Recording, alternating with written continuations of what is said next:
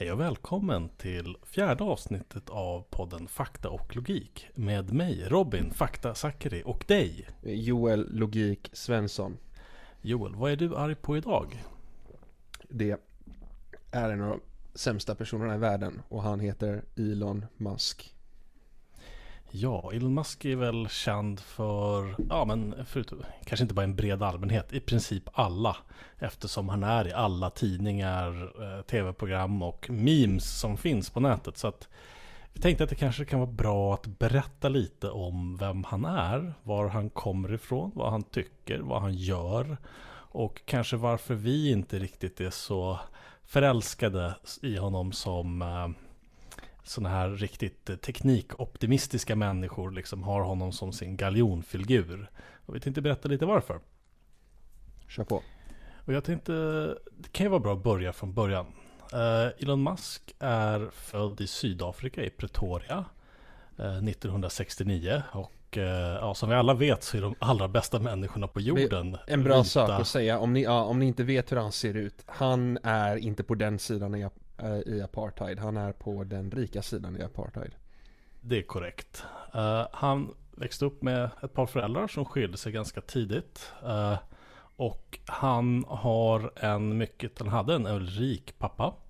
Som bland annat del, var delägare i en smaragdgruva i Zanzibar. eller kan det ha varit Zambia. Uh, oavsett så är det liksom den övergripande bilden då att om ens pappa är då delägare i smaragdgruva så kommer man inte från mest påvra av villkor. Det har också spekulerats om hans farfar farmor flyttade från Kanada. För han är också delvis kanadensare.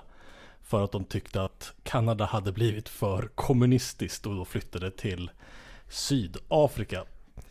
Eh, men det finns ju liksom ingen så här blodskam som liksom automatiskt anfall, liksom hoppar på en människa. Man kan ju säga att när Elon Musk flyttade från Sydafrika så gjorde han det bland annat för att undvika att behöva göra militärtjänstgöring. Man, man, kan säga så, man kan säga så här, det har gjorts försök om att typ säga att, ja men så här, Elon Musk, han blev han blev känd för att han, han bara älskade så här typ IT och typ gjorde något bra på IT. Precis som Bill Gates origin story liksom. Att man gjorde något i garaget.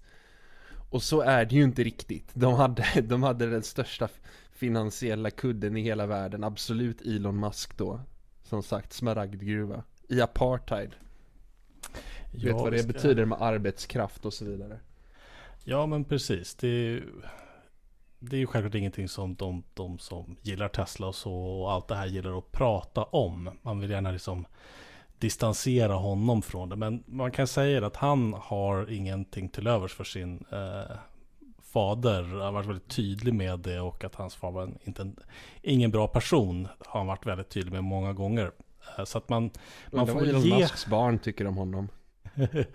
man, man, kan väl säga så här att Elon Musk har liksom klarat det allra lättaste moraliska prov som du kan utsättas för. Vill du göra militärtjänstgöring i Sydafrika? Om du inte behöver för att du kan flytta utomlands. Liksom, ja, jag vet inte om det säger så mycket om ens persons karaktär. Det säger någonting väldigt, alltså, väldigt, är du, väldigt är litet. Du, är, du, är du rik i ett anglosaxiskt land och det, så, det hade väl, har väl alltid varit frivilligt att faktiskt behöva gå ut och genomföra krig. Så är det. Det finns ju de som faktiskt absolut gärna vill göra det även trots att som sagt var han har liksom han, han har genomfört moraliskt häcklöpningslopp där liksom de här häckarna var någonstans i ankelhöjd. Uh, men vi ska gå vidare då till hans mera, hans värv. Det är liksom det som han är känd för i någon mån. Han flyttade ju då från Sydafrika till Kanada och eh, sen så flyttade han till Kalifornien som är en väldigt vanlig entreprenör, IT liksom, eller främst att hamna i Kalifornien då är en väldigt vanlig väg att göra det och om du någon gång har hört Elon Musk och inte riktigt kan liksom placera hans hans dialekt så är det en blandning mellan eh, sydafrikansk, eh, liksom afrikansk, eh, blandat med kanadensisk. Jag tror kanske att hans mamma var eh, quebecois, jag tror att hon var så från Quebec. Och sen blandar det med liksom den kaliforniska eh, dialekten i USA. Så att det är liksom svårt att placera var han Det är kommer väldigt ifrån. uncanny, det är verkligen som att en utomjording har åkt till jorden och liksom lärt sig språket fonetiskt, förstår inte vad orden betyder men kan liksom härma mänskliga läten. Det är, ja, det är, det är ingen, ingen, det är som att ingen annan har hans dialekt riktigt. Nej, precis. Och det är, liksom, det är som att han bara landade från ingenstans. Uh, och nu kanske man också ska säga då att han är ju väldigt liksom bra på att fånga medial uppmärksamhet. Vi tänkte gå in på det lite först. Den första eh, företaget som han blev liksom känd för, det var ju hans eh, inblandning i Paypal. Eh, och du kan berätta lite mer om Paypal Joel. Mm, ja, Paypal. Det var, det är något som, alltså det är väl aldrig riktigt, det har funnits i Sverige. Men det har väl, jag har aldrig uppfattat det som att det har slagit igenom. Vi är bekanta med Paypal, men det har liksom inte varit så att det har, eh, vi, alltså det, det finns ju ett, det finns ju en betaltjänst egentligen som har gjort revolution i Sverige och det är Swish. Men för, för så vitt jag uppfattar det, typ amerikanare, så är Paypal var liksom som deras Swish för att de har liksom ett väldigt kast offentligt system för att genomföra transaktioner. Det, det är ett, alltså USA är ett u-land om du ska skicka pengar mellan banker och så. Och de här privata systemen då kommer, kommer liksom istället. Och Paypal eh, var, var typ först med att göra det enkelt och göra liksom kortbetalningar online kan man säga. De var nog först av alla. Och när vi säger u-land så menar vi ett land med utvecklingspotential. För att i de flesta länder som man traditionellt kallar u-länder, som är oftast söder om Sahara, så har ju de mycket bättre betalsystem än vad USA har. Ja, ja, herregud, herregud. Det här, det här, det här, är, det här, det här är ett ord jag egentligen bara använder på USA, för de är väldigt eftersatta på många områden.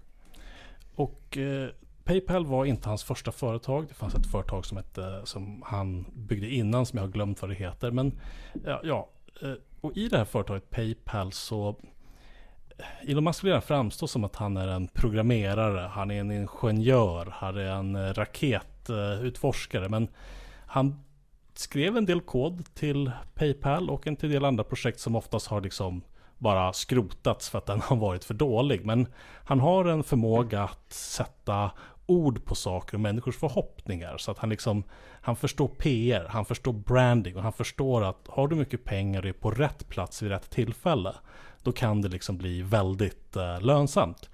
Uh, tillsammans, Paypal byggde den upp tillsammans, inte själv men med en, en, en väldigt känd entreprenör som väldigt ofta, inte så ofta nämns i Sverige, men heter Peter Thiel. Och Peter Thiel är en av de konstigaste mm. freaksen på jorden. Uh, han är en amerikansk entreprenör som har ett företag nu som heter Palantir. Eh, som är känd för att det är liksom ett av världens mest avancerade övervakningssystem. Var, kommer ordet Palantir från? Jag tror det är Palantir och att det kommer från Sagan ja, om ringen. Ja. Det är de här kloten som Saruman använde för att prata med Sauron. Det är en Palantir. Och det tyckte han, det här vill jag döpa mitt företag till. Ja, det, det, de är ju bra de här entreprenörerna på att liksom lyfta fram en viss typ av säga, nördkultur som inte har liksom blivit förgiftad på 80-talet ungefär när liksom nörden då var en person som så, kanske satt ensam, Emma, ensam hemma eh, och inte fick vara med och blev mobbad av någon liksom tuffing i skolan medan det idag liksom är då nörden som har tagit över och visar sig vara liksom en riktig jäkla mobbare på internet och det, det är Peter Thiel.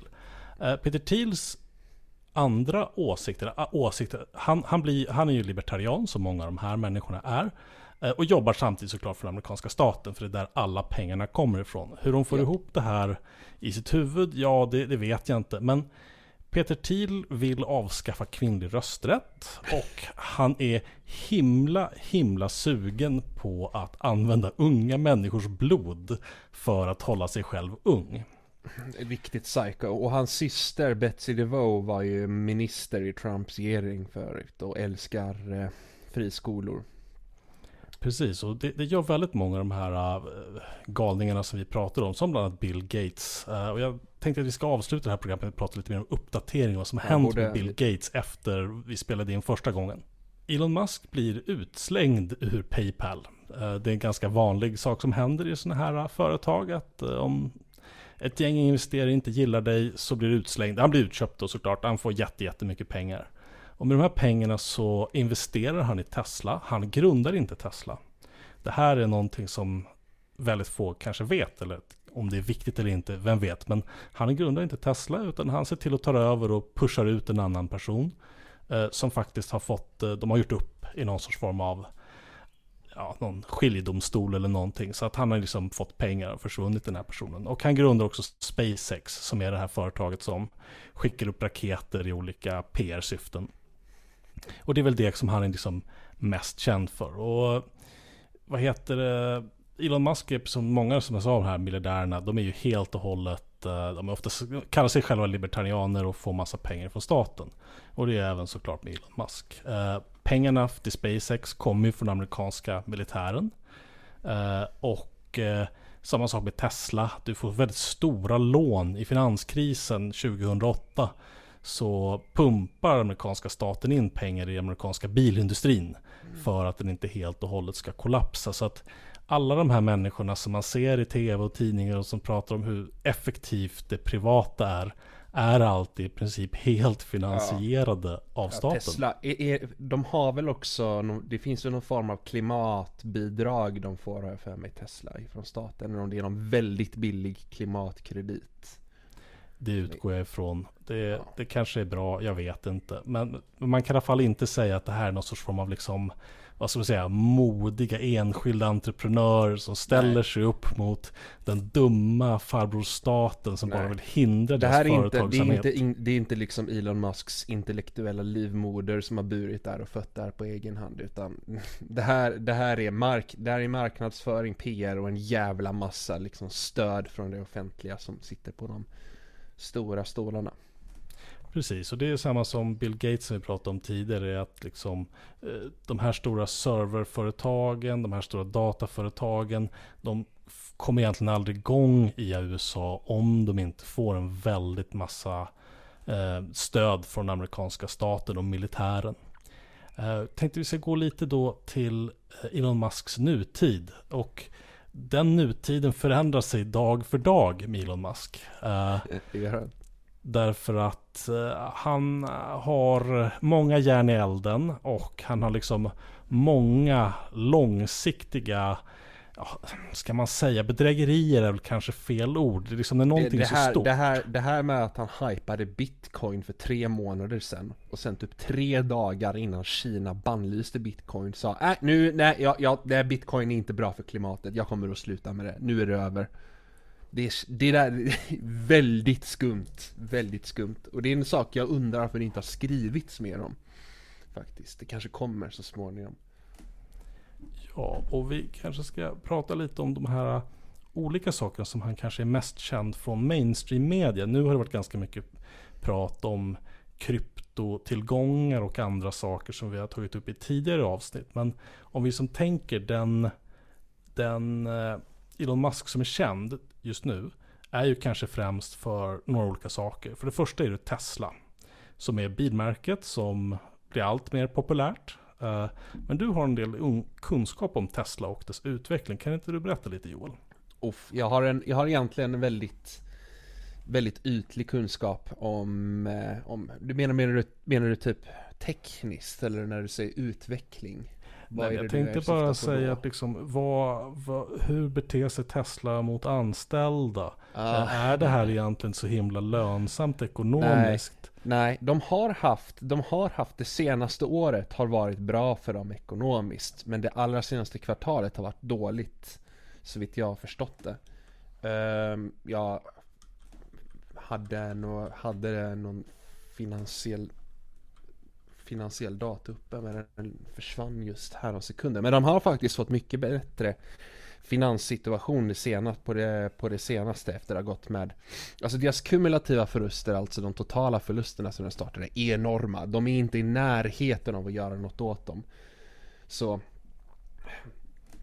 Så mycket, mycket, mycket, häng, mycket hänger liksom på det därför att det är ju Tesla fungerar ju typ, fungerar ju typ så här det är att Elon Musk, han är väldigt bra marknadsförare.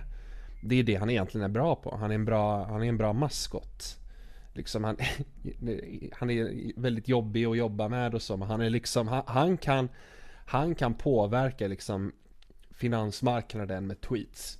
Mm, och det är precis vad han gör. Det är inte lagligt men han gör det ändå. Han har fått skit för det men han gör det ändå. Så varje gång Tesla, Tesla går dåligt eller det händer någon, något kast typ. Det visar sig att deras självkörande bil är, mm, är liksom eh, en psykopat och dödar någon. Mm, har hänt för övrigt.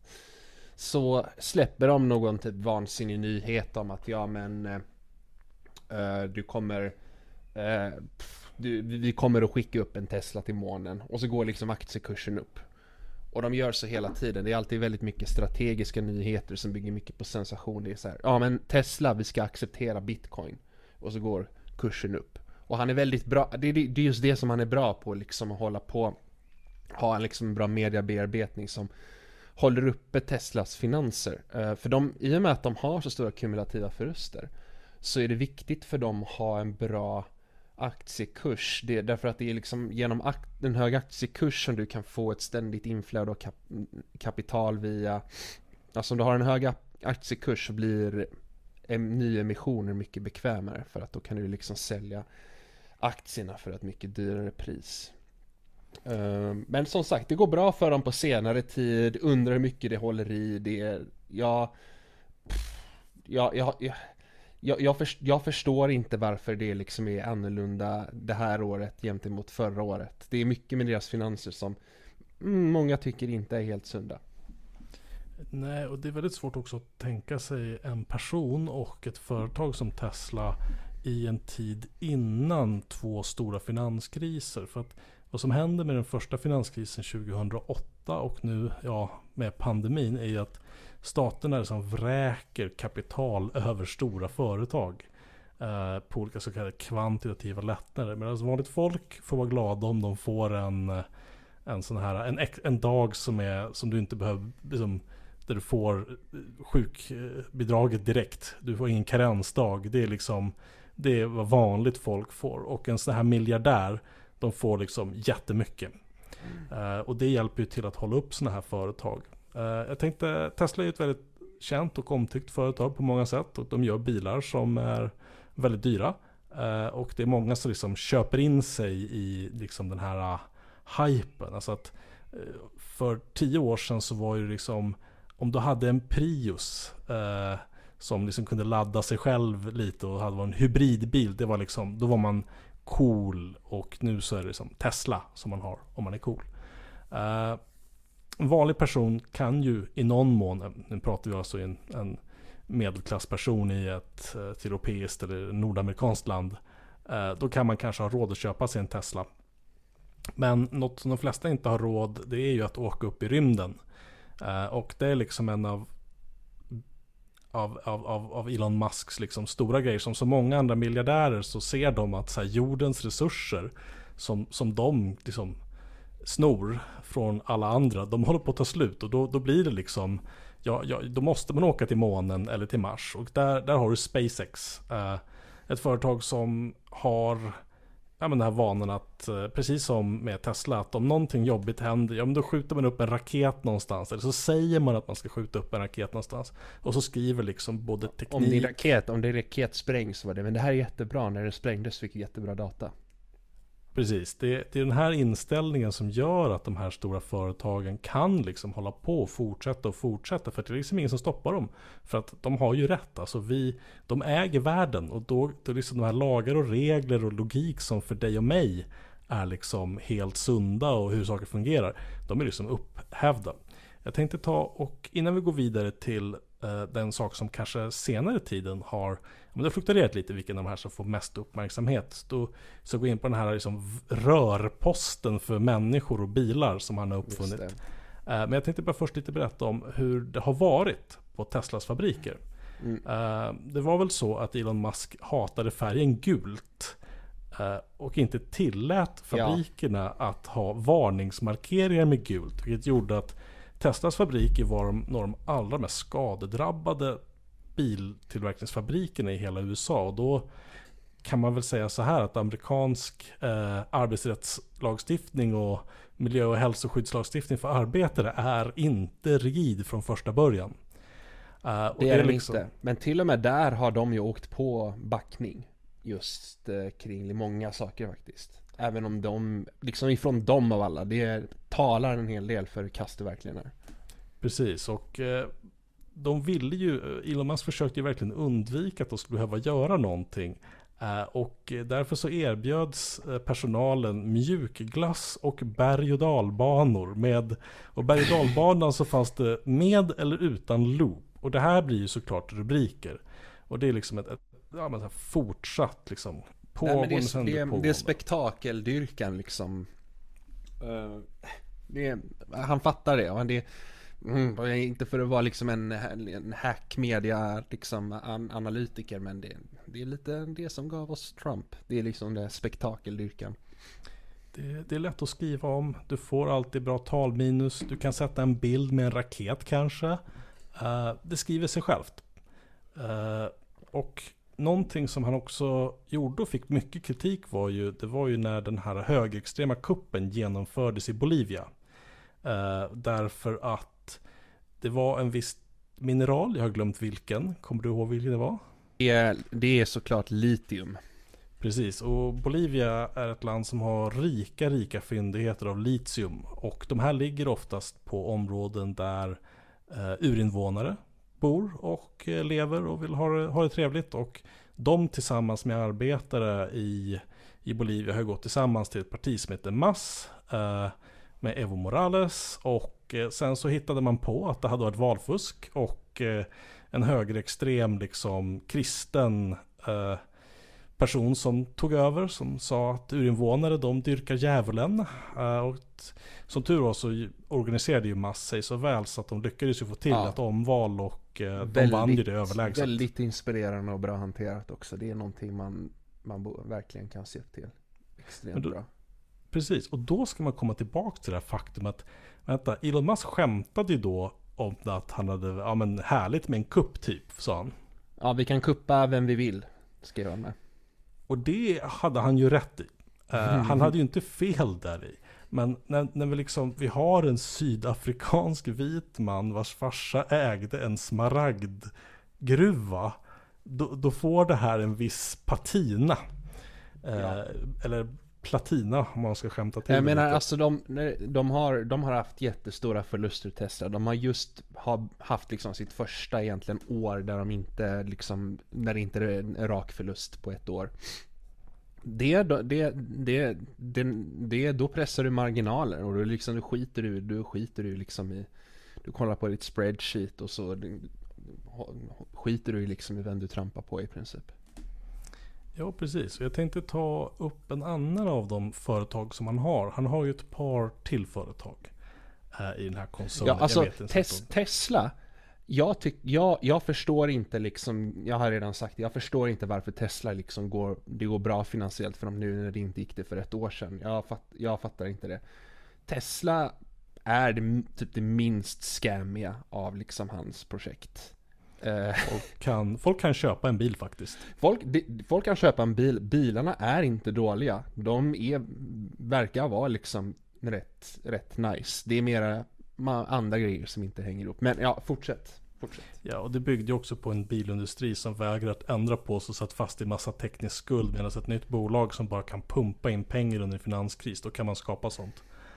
Uh, men jag tänkte ta upp ett annat företag, egentligen två företag som han är känd för också, som också brukar få mycket uppmärksamhet. Och det ena är The Boring Company, vilket är liksom en ordvits. jag, jag, jag, älsk, jag älskar Boring Company. De, det är ett jätteroligt namn, men det de gör helt enkelt är att de tillverkar stora, stora borrar. Jag vet inte, ja. för er som var som var, som var med under tiden när den här Hallandsåsen skulle byggas. Så var det alltid mycket bilder på så stora cirkulära borrhuvuden på någon sorts form av liksom traktor.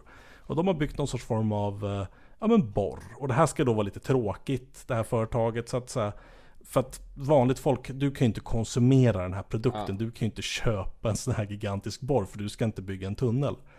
Uh, men det här hänger ihop med två andra saker. Det hänger också ihop med Tesla. Och det hänger också ihop med ett företag som, jag vet inte om företaget heter men Hyperloop. Kan inte du berätta lite vad en Hyperloop ja, är? Hyperloop är det är, så vitt jag förstår det, det är inte så mycket nödvändigtvis ett företag som ett koncept som han håller på och stöttar Hyperloop och försöker liksom vertikalt integrera med The Boring Company. Men det är i alla fall ett koncept om att du ska bygga, du ska bygga tåg som färdas i vakuumrör. Eh, liksom rör, rörposttåg. typ. Eh. Och idén är att eftersom det inte finns någon friktion så kan man med el skicka de här äh, tågen i jättehög hastighet. Nej, nej, nej, men lå- låt mig liksom säga att det, fin, det, finns en, det finns en teori där som, som stämmer och det är att om du har ett, ett rakt vakuumrör och det här är en, en del varför det faktiskt praktiskt inte fungerar som man kanske tror först. Om du har ett spikrakt vakuumrör då kan du låta, liksom, då kan du transportera saker i det jättesnabbt för det finns ingen, finns ingen friktion. I alla fall liksom mot luft så finns ju friktion emot andra saker. Jag menar du måste ju accelerera på något sätt. Eh, måste ta spjärn mot någonting. Ja, och det här var väldigt mycket snack om förut, för några år sedan, kanske fem, fyra, fem år sedan så var det hyperloop, man ska bygga hyperloop här. Ja, Olika ja, det politiker många- tycker att vi ska börja testa hyperloop.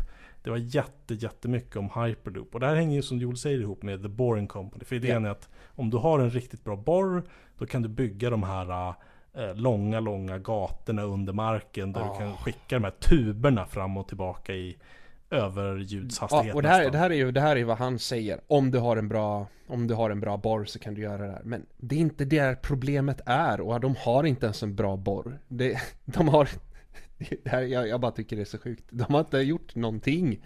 De har inte gjort någonting alls som liksom är annorlunda mot det som redan finns. Överhuvudtaget. Och det de någonstans har landat i just nu, det man ser i kommunikationen är ju att de allt mer snarare börjar liksom göra om den här idén om en sån här hyperloop med de här vakuumrören. Som att man bara gör en tunnel där det får plats en De kallar det Tesla-bil. för loop, inte hyperloop. Det är the loop bara. Är det the loop nu? Ja, de Ja, tog the bort loop. hyperbiten. så Ja, att the, det, loop, the loop, loop är ju att du ska liksom, han, han vill lösa, han säger att jag vill lösa trafikproblemen i storstan och det gör jag genom att jag bara borrar en massa tunnlar som är jättesmå runt hela stan och då kan alla bilar färdas liksom eh, där under eh, och det finns en massa grejer i det här som har ändrats som du säger över tid. Från början var det tänkt att de skulle färdas på en podd. Liksom att bilen inte skulle köra för egen räkning. Men det har ju... Det har man ju då... Det har, ju, det har ju då förkastats därför att det visar sig att eh, det är jobbigt och dyrt. För därför att man kommer på att mm, det finns liksom realistiska, eh, praktiska förhinder med att typ bygga saker under marken och det har absolut ingenting att göra med mm, om du har en bra borr eller ej. Alltså borra rör är det lätta. Det är därför du kunde bygga Londons tunnelbana i början på 1900-talet. The Tube som man kallade det för. Därför att bygga bara, liksom bara ta en borr och borra. Jätteenkelt. Det jobbiga är allt det där runt omkring liksom. Att du ska ha typ stationer som liksom måste vara urkarvade och att du måste liksom ha infrastruktur som stöttar upp allt det här. Du kan ju... Vad händer om tåget fastnar och grejer? Ja, det finns en massa liksom till där. Eh, Ja, jag utgår från att det har uppfunnits långt innan, men redan de gamla romarna byggde väl tunnlar där Ja. häst och vagn kunde transporteras. Och för varje liksom steg i förändring av den här liksom idén från Hyperloop Ja. är liksom mer så här, vi kan bygga en tunnel och i de här tunnlarna då ska åka vissa bilar. Och det finns ett stort problem med det här, förutom alla tekniska problem. Det är ju det här med induced demand. Alltså så fort du gör det lättare att åka bil någonstans, då är det fler som kommer vilja att åka bilen. Så sen har du byggt liksom en massa individualiserade tunnlar under marken. Alltså den här, har du sett den här, har du sett den här testtunneln de har byggt? Nej, det har jag faktiskt inte. Den, den är så, den är, den är så jävla hysteriskt dum. Jag tänker prata nu och så tänker jag försöka multitaska, söka fram en video under tiden. En live reaction kan vara rolig, men alltså Det är ju bara, det, man man kan beskriva det som att Man kan beskriva det som att Eh, de, de har, de har eh, de har, de har För att de skulle bygga någonting i Las, eh, Los Angeles precis, de skulle bygga typ en koncepttunnel. Och det, det började, som alla, alla stora projekt man har varit med i, det börjar med att man har stora ambitioner och sen när projektet närmar sig slutet, då skalar man bort ambitionerna för att bli klar. Och det de har lyckats med, det är typ en tunnel som är lika bred som bilen, bara extremt klaustrofobiskt och som typ har så här Philips Hue-lampor som lyser upp den i olika färger. Det är verkligen suger, det är ingenting som inte redan finns och det är oklart varför man skulle, det skulle vara typ effektivare än någonting annat. Uh, vi, ja. vi, har ju då i Sverige byggt tunnlar i jättelänge. Vi har till och med byggt en tunnel genom hela Hallandsåsen och om det var dumt så kan du tänka dig att bara transportera om det är en, alltså vi har tunnlar. Det finns redan tunnlar där man åker bilar i flera filer. Det, det, det finns redan, så vad det här gör, ja, ja, det är ingen som vet. Ja, nej men alltså det här, det här är, hans koncept var ju som sagt att man, men vi ska, vi ska liksom, vi ska, vi ska, underjorden i storstäderna ska bli som en schweizerost, va? tunnlar överallt. Så liksom vi, det är jobbigt att bygga många filer ovanpå land, liksom alla hatar jobbiga trafiklösningar. Vad sägs vi bara borrar mer och mer och mer och mer? Och jag, jag, jag, jag, jag har ingen liksom civilingenjörsutbildning, men vad det, har, det jag har fått sagt till mig av folk som kan lite om det här är att om du gör det här, då kommer liksom staden att förlora sin strukturella integritet liksom i marken och falla ihop så småningom. Precis som någonting som är bara liksom fullt av luft. Så att det, det vore jättedåligt om man gjorde det liksom i praktiken. Men inte ens det verkar de ha hållit på med. Nu ska jag skicka här, eh, skicka här en film till dig som eh, som eh, visar eh, hur det är att köra igenom det här. Och du behöver inte lyssna, du behöver inte kolla på alla sex minuter. Du kan bara liksom kolla i början och spola fram lite så får du se hur det, hur det ser ut. Alright, ja det, det, vi kan inte riktigt lägga till show notes på alla plattformar men vi kan lägga till det på någon. Uh, och ja, det heter First Look and Ride Inside Las Vegas Convention Center Loop. Och då kanske man ska, kan vara värt att säga att Las Vegas är liksom ute i öknen och jag tror att det inte finns så mycket liksom ja. saker som hindrar dig från att dra liksom en enkel liksom, tunnel. Ja, jag sa Los Angeles först. Det var fel. Las Vegas är det korrekt. Ja, jag ser, vad jag ser är en rulltrappa upp på ett ganska tomt garage där det står lite bilar och där det är liksom så här pulserande eh, belysning som du kanske varit hemma hos någon kompis som har precis kopplat upp alla sina lampor mot en datadriver och då måste lamporna byta färg hela tiden. Här ser man en bil åka in i en tunnel som är helt sjukt eh, trång. Den är lika trång som bilen så att du kommer att förstöra din bil när du åker i den. Alltså det, det, det kommer ju hända. Och vad händer om en bil fastnar? Alltså du, det är helt bisarrt. Det är livsfarligt. Och, och så här, ett system som bygger på att så här, om det blir liksom ett litet problem någonstans så stoppas hela systemet upp. Det är i grund och botten ett helt ofungerande system. Och jag antar att det fortsätter nu och även i tunneln så finns de här olika belysningarna ja, som liksom byter det, färg det, hela tiden. det här är, det här är, det här är asgrymt. Så om du vill se det här så gå in på, på YouTube och sök First Look and Ride Inside Las Vegas Convention Center Loop. Eller sök bara på Loop och Las Vegas. Ja, och nu ja. så kommer bilen upp till ett likadant garage. Och i sådana här, när man visar sånt här, då visar man ju aldrig hur mycket bilar och så det kommer vara. Ja. Så att istället för att åka på en bilkö uppe på marken så kommer du göra under marken. Ja, precis. Det, det, det kommer, trängseln kommer ju vara, alltså det är som, det är liksom, tänk, tänk, dig, tänk dig liksom en ström, liksom en flod som strömmar. När det blir smalt, då blir det ju liksom extremt mycket turbulens och hastighet. Och det kommer det ju vara här också, liksom när det smalnar av och folk måste gå i samma fil. Då blir det liksom trångt. Och då finns det två alternativ. Antingen så kör man väldigt snabbt och det är inte ett alternativ därför att det är bilar och om alla kör snabbt så krockar man. Eller så bara backar du upp och tar det segt och då får du liksom trafikstockning. Man flyttar trafikstockningen bara liksom ifrån vad det nu var tidigare till bara in och utgångar från de här systemen. Liksom. Och det finns ju då, det, det här kan ju låta liksom att det, det, är kul att säga att det här är töntigt och så, men det finns djupa problem med det här. Nummer ett är att eh, man vill liksom privatisera någonting, man vill privatisera under marken så att endast rika människor ska kunna köra i de här eh, liksom fina tunnlarna. För det är ett sätt för att liksom ytterligare köpa sig fri. För om du har blivit superrik, varför skulle du då känna att du behöver liksom åka bil liksom på samma äckliga, smutsiga ett, vägar? Det finns, bra, det finns ett bra ord för det här och Elon Musk är faktiskt inte först med den här grejen. Mm, det är Mm, det finns ett bra Simpsons-avsnitt och det kallas för Gadget Barns det här. Som kommer ifrån engelskans gadget och tyskans barn som liksom är um, bana va, liksom räls mm. typ. Ja. Och det är ett gimmick-transportmedel. Som när liksom någon typ säljer in till en stad att den ska använda monorail. för att transportera. Så det här har ju hänt. Alltså, städer har valt liksom att införa jättejobbiga liksom upphängda räls, upphängd räls till exempel. Det är, det är coolt men det finns många praktiska problem med det. Men det handlar i grunden om att någon vill typ sälja någonting bara.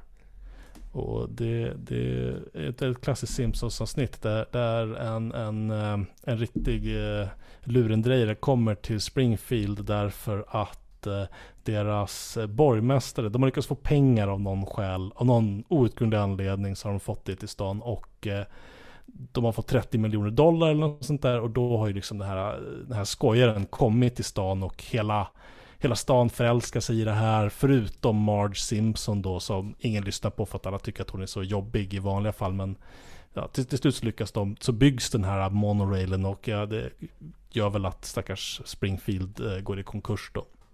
Ja. Och, och, inte nog med då att det här är liksom ekonomiskt väldigt, väldigt riskabelt så kom jag ihåg att liksom det, det, det, det tar upp beslutsfattares tid, deras ja, liksom, men det är liksom, var... idéhuvuden liksom. Det här det, snor uppmärksamhet ifrån den, det man borde göra och det är bygg tåg. Istället för att bygga tåg så säger man, men varför inte hyperloop? Det är här om fem år, sa folk till mig för fem år sedan. Ja, är det här Nej, det är det inte. Och kommer det någonsin att komma? Pff, troligtvis inte. Liksom, om det kommer kan man väl bygga det, men det, det har ju som du säger, att funktionen att man man, man pratar mycket om teknik som kommer istället för att liksom satsa på det som finns. Och vi har ju faktiskt eh, redan hyperloop i Sverige om man ska liksom vara teknikneutral. Vi har rörpost i riksdagen. eh, det här ska de nu utreda om man ska ta bort rörposten i riksdagen. Och jag är helt emot därför att vi måste bestämma emot. oss. Är vi ett land som har coola saker som ja. rörpost i riksdagen och riktigt snabba tåg? Eller är vi liksom ett land av töntar och veklingar? Seriöst, jag, jag litar mer på kommunikationen i rörposten liksom digitalt. Jag menar, tänk, tänk. Försök hacka den. Ska, liksom ja. någon, ska någon rysk spion borra sig upp under Mälaren och liksom ja. hitta ett ställe där du liksom ska koppla upp dig till det här vakuumrörsystemet? Ja, ja, jag tycker de ska göra det. Och att det vore en fräck historia om de försökte. Och sånt här kommer aldrig hända om vi gör det helt elektroniskt. Då kommer de sitta någonstans liksom i ett eh, GRU datacenter i liksom eh, östra Moskva. Och ja, inte alls lika roligt. Nej, ingen blir glad av det. Jag tänkte att vi skulle fortsätta lite med att prata om det kanske allra värsta med Elon Musk. Som är faktiskt inte är ens Elon Musk utan hans fans. För det finns alltså människor ja. som i sitt liv sitter där, är någon sorts form av eh, ja, men medelklasskille oftast. Du kanske har läst på KTH eller du har läst någonting annat av teknisk art. Och sen ägnar du dina dagar åt att tycka att Elon Musk är fräck och om någon har uttryckt sig misshagligt om Elon Musk på internet, ja men då ska du vara där. Då är det dags att dra lans för, för Elon Musk. Kan inte du berätta lite mer Joel, vad du, hur du har eh, stött ihop med Elon Musk-fans och eh, ja, men vad tycker du om de här människorna i stort? Um, alltså i, det är mycket, mycket Twitter-baserat i sådant här. I någon mån, jag har mer bråkat med de som typ håller på och pratar om hyperloop. Eh, som, eh, ja, det, det handlar inte så mycket om att de ger sig på mig för att jag ger sig på Elon Musk. Men mm, som sagt, man, eh, man möter de här personerna online. Om du, om du säger någonting negativt om honom och det liksom syns som någon sån här person. Då, då ser de det som personligt kränkande för att liksom Elon Musk, han, han, han, han är han är mänsklighetens stora hopp, säger de. Han, han är den som, han är den som liksom eh, mm, som skapar liksom en ny horisont för vad vi kan syssla med. Mm. Och det är också himla, det, det är väldigt lätt att stoppa in sitt förtroende i någon person och i någon möjlig framtid om hur saker kommer att lösa sig. För då behöver man inte heller prata om de högst liksom verkliga konflikter som finns på jorden. Så det är därför de alltid vill liksom skjuta upp sig till, till rymden. För där, där finns inte de här problemen. För att alla som kommer åka upp i rymden i början är ju superrika. Och så då är det bara vi här som är smarta och lyckade. Och så finns inte de här, äh, det här slöddret som de är liksom tvungna att skåda. Och så är det så kul att de här människorna som liksom tjänar kanske 35-45 000 kronor i månaden känner liksom sånt enorm vänskap med den här liksom teknikmaskoten. Alltså han, han, skiter, han skiter i alla de här personerna. Han lurade, han lurade för, för tusan typ alla och liksom investera sina förmögenheter i bitcoin för tre månader sedan och sen liksom efter, nej men bitcoin är typ dåligt för klimatet hittar han på. Och nu då, vi som, jag och Joel då som äger eh, Dogecoins. Ja, men eh, för det, det, det, det är sant jag ska säga. Han, Elon, han Musk har en positiv grej och det är att han förstår att Doge, Doge är den enda riktiga kryptot. Köp Doge. Köp, lägg allt på Doge. Eh, köp absolut, följ absolut inga som helst ekonomiska råd för den här podden. Vi ger inte råd med ekonomin. Däremot så ger vi liksom råd om den riktiga ekonomin, alltså hur vi ska organisera ett samhälle. Eh, och det är ju precis så vi bör agera när vi går vidare till nästa punkt. För att Elon Musk är inte din vän. Han är liksom kanske din påhittade internetkompis och om du känner att Elon Musk är din vän, sluta med det. Bara sluta. Log, logga ut, fokusera, tänk fundera på, har du några riktiga vänner? Och, och det blir där. så himla lätt så i en värld där eh, klimatet väldigt mycket går åt fel håll. Folkrörelserna har krossats. Folk sitter ensamma hemma själva framför sin datorskärm. Då är det lätt att man bygger sin relation med liksom den här ja. epic meme-farbrorn som liksom delar coola memes hela tiden och är, yep. är nere med kidsen och deras ja, språk. Covid har ju verkligen förstärkt det här dessutom. Kan man ja, säga. verkligen. Jag skulle vilja gå vidare till en person som också är väldigt klandervärd och dålig och det är Bill Gates. Uh, vårt första avsnitt handlade om Bill Gates och uh, det ja, producerade vi, vi, faktiskt. Vi tog ner honom, vi gjorde det. Vi, Melinda Gates, en av våra 50 lyssnare, eh, hörde avsnittet och tänkte verkligen om efter det. Ja, det, det, det blev mig väldigt glad av att höra att vi kan så snabbt få en så stort genomslag i verkligheten. Så därför, vi, nu är det nygrundade Melinda Gates Foundation, Bill, alltså inte Bill och Melinda, utan bara Melinda Gates Foundation, kommer nu ha en sektion i vår podd där vi går går igenom det senaste inom vad den stiftelsen nu ska handla om, inte beslutat än. Vi kommer berätta varför det är så himla himla bra att släppa ut eh, genmodifierade myggor. Undrar, det, det är kanske mer Bills grej att hålla på med det. Hennes grej var kanske mer eh, eh mikrochippningen. Ja, precis. Uh, nej men sen vi spelade in den här podden, eller faktiskt redan innan vi, var, vi precis hade, hade spelat in podden så, så visade det sig att uh, Bill och Melinda Gates ska skilja sig. Varför pratar vi om något sånt här, är inte det liksom bara skvaller? Men, men när, när sådana här superduperrika människor skiljer sig så är det liksom inte som att en, en vanlig person, eh, ett vanligt par skiljer sig, utan du ska liksom dela upp enorma mängder pengar. Det är ju liksom, trots att Bill Gates har sagt att han ska ge bort alla sina pengar så har hans förmögenhet typ tiodubblats sen han mm. sa det.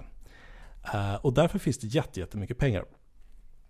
Och det började med att Bill och Melinda Gates gick ut med ett eh, pressmeddelande eller på, på sociala medier där de sa att jo men vi eh, går in i en ny fas i vårt liv där vi ska utforska nya saker. Vi har insett inte, att vi inte kan göra den här resan tillsammans. Du vet, klassisk så här bullshit. Ren, rent, rent liksom PR. Det är ju en byrå som har suttit ja, och skrivit och det, det, det visar sig att den här resan i fråga var till Little St. James. Ja, eh, och det är ju rätt uppenbart att uh, Melinda Gates har ju liksom gjort sin hemläxa och uh, förstår hur PR funkar.